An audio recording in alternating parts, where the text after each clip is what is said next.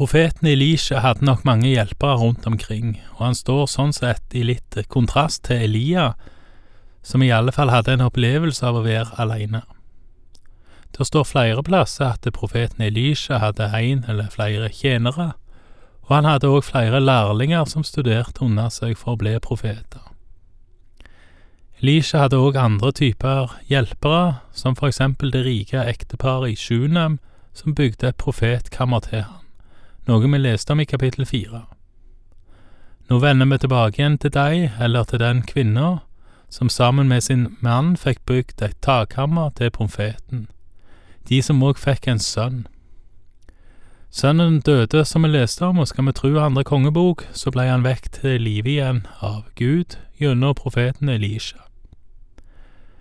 Nå skal vi lese at profeten Elisha òg hjalp denne kvinna på andre måter. Vi leser fra andre kongebok, kapittel åtte, vers én. En dag sa Elisha til kvinnen som var mor til den gutten han hadde vakt til live. Bryt opp og dra bort, du og ditt hus. Slå deg ned hvor du kan, for Herren har kalt på hungersnøden. Nå kommer den over landet i sju år. Kvinnen brøt opp og gjorde som gudsmannen hadde sagt. Hun dro av sted med hele sitt hus, og i sju år bodde hun i filisternes land. Elisha advarer kvinnen og hennes hus. Om mannen hennes er inkludert, eller sønnen for den del, det står ikke. Men Elisha profeterer en hungersnød ifra Herren, og i den anledning så sender han nesten vekk denne kvinnen før hungersnøden kommer. Kvinna hun bor sju år hos filistene, israelittenes hovedsfiender på Davids tid. Vi leser videre fra vers tre hvordan det går når hun kommer tilbake igjen. Da sju år var gått, kom kvinnen tilbake fra filisternes land. Hun gikk til kongen og tryglet om å få igjen sitt hus og sin jord. Kongen snakket nettopp med Gehazi, gudsmannens tjener, og ba ham fortelle om alt det store Elisha hadde gjort og mens han fortalte kongen hvordan profeten hadde vakt den døde til live, kom denne guttens mor. Hun tryglet kongen om å få igjen sitt hus og sin jord. Da sa Gehazi, Herre konge, dette er kvinnen, og dette er sønnen hennes som Elisha vekket til live. Kongen spurte kvinnen ut, og hun fortalte. Så sendte han henne en av sine hoffmenn og sa, Sørg for at hun får tilbake alt som hører henne til, og alt som er høstet på hennes jord, fra den dagen hun forlot landet og helt til nå. Ikke bare får kvinna tilbake igjen jorda si, men hun får òg tilbake igjen det som har blitt høsta på jorda de sju åra hun har vært vekke. Gitt at det var under ei hungersnød, så er vel det heilt vanvittig. Og hvorfor fikk hun det? Jo, fordi Gehazi, Elisha sin tjener, som arva hudsykdommen til Naaman, fordi denne tjeneren fortalte kongen om hva Elisha hadde gjort, og at det var denne kvinna han hadde gjort imot. Om det da var frykt for kvinna eller noe annet som gjorde at kongen ga seg, det vet vi ikke. Kvinna fikk i alle fall tilbake igjen det som var hennes. Vi leser videre om når Elisha var hos arameerkongen i Damaskus, fra vers 7. En gang kom Elisha til Damaskus, mens arameerkongen Ben-Haddad lå syk. Da det ble meldt kongen at gudsmannen var kommet, sa han til Hasael, Ta med deg en gave og gå og møt gudsmannen. Gjennom ham skal du spørre Herren om jeg kommer til å overleve denne sykdommen. Ben-Haddad, som var sjuk, var kongen som beleira Samaria, og som kjørte matvareprisene i været på den måten. Hvis annen kongebok er skrevet noenlunde kronologisk, så er dette minst sju år seinere. Akkurat det er vel kanskje av mindre betydning. Det som er interessant, er at òg kongen i Damaskus, Ben-Hadad, har fått med seg at profeten Elisha representerer en mektig gud, og derfor sender òg denne kongen bud på profeten.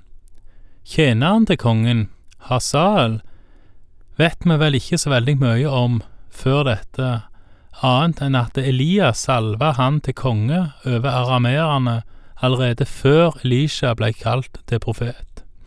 Hazael skal snart gripe makta. Vi leser videre fra vers 9. Hazael gikk i møte med Elisha og hadde med seg en gave av det beste som fantes i Damaskus, så mye som 40 kameler kunne bære. Da han trådte framfor profeten, sa han, Din sønn Ben-Hadad, arameernes konge har sendt meg til deg for å spørre om han vil komme til å overleve den sykdommen han har. Elisha svarte, Gå og si til kongen, du skal få leve. Men Herren har latt meg se at han skal dø. Gudsmannen stirret framfor seg. Ansiktet stivnet, og så brast han i gråt. Hvorfor gråter du, min herre? spurte Hasael. Elisha svarte, Fordi jeg vet at du kommer til å gjøre ondt mot israelittene. Du vil sette ild på deres befestede byer, drepe deres unge menn med sverd, knuse deres småbarn og skjære opp kvinner som er med barn. Hasael sa, Hvordan skulle din tjener, en hund som jeg, gjøre så store ting? Elisha svarte, Herren har latt meg se deg som konge over arameerne. Da forlot Hasael Elisha og gikk hjem til sin herre. Hva sa Elisha til deg? spurte kongen. Hasael svarte, Han sa at du kommer til å overleve. Men dagen etter tok Hasael et klede, dyppet det i vann og presset det mot kongens ansikt, og han døde. Og Hasael ble konge etter ham. Det kan virke rart at Elisha sier til Hasal at han skal lyge for kongen, men lyger han egentlig til kongen? Nei, kanskje ikke. Elisha ber vel egentlig ikke Hasal lyge for kongen. Kongen lurer på om han kommer til å bli frisk ifra sykdommen, og det gjør han vel faktisk. Det som dreper han, er ikke sykdommen, mens hans egen tjener, Hasal. En tjener som allerede har blitt salva til konge av profeten Elia. En tjener som faktisk dreper kongen i kaldt blod ved å presse et fuktig klede over kongens ansikt, og sånn sett drepe han. Hva det skal tjene å ha en sånn en konge over arameerne, og da særlig med alt det vonde han kommer til å forvolde Israel, som faktisk profeten fikk se og fikk profeten til å grine. Hva det skal tjene å ha en sånn en konge, det forstår jeg ikke. Kanskje alternativet hadde vært verre. Kanskje det får ei mening, det vet ikke jeg, og for mye spekulasjoner kan føre galt av sted. Vi leser videre ifra vers 16 med fortsettelsen i kongerekkene både i Nordriket Israel og Sørriket Juda. I det femte året Joram, Ahabs sønn, var konge i Israel, ble Joram, sønn av Josjafat, konge i Juda, mens faren ennå regjerte der. Joram var 32 år gammel da han ble konge, og han regjerte i Jerusalem i åtte år. I sin ferd var han som de andre kongene i Israel. Han levde slik som Ahabs hus hadde gjort, for han var gift med en datter av Ahab og han gjorde det som var ondt i Herrens øyne. Men for sin tjener Davids skyld ville Herren ikke ødelegge Juda, for han hadde lovet David at en lampe alltid skulle lyse for hans etterkommere. Legg merke til vers 19, som skiller Sørrikets skjebne fra Nordriket. I Sørriket mister en aldri arven fra Davids trone, fordi David har blitt lova det av Herren. Denne linja kan vi trekke heilt fram til den Herre Jesus, skal vi tru Matteus. Vi leser videre om kongene i de to rikene og i naborikene fra vers 20. I Jorams tid gjorde Edom opprør mot Juda og tok seg en konge. Da rykket Joram ut mot Sair med alle sine stridsvogner. Han brøt opp om natten og slo edomittene som hadde omringet ham, og kommandantene for stridsvognene. Men folket flyktet til teltene sine. Etter opprøret har Edom vært skilt fra Juda til denne dag. På samme tid gjorde Libna opprør. Det som ellers er å fortelle om Joram og alt han utrettet, står skrevet i judakongenes krønike. Joram gikk til hvile hos sine fedre.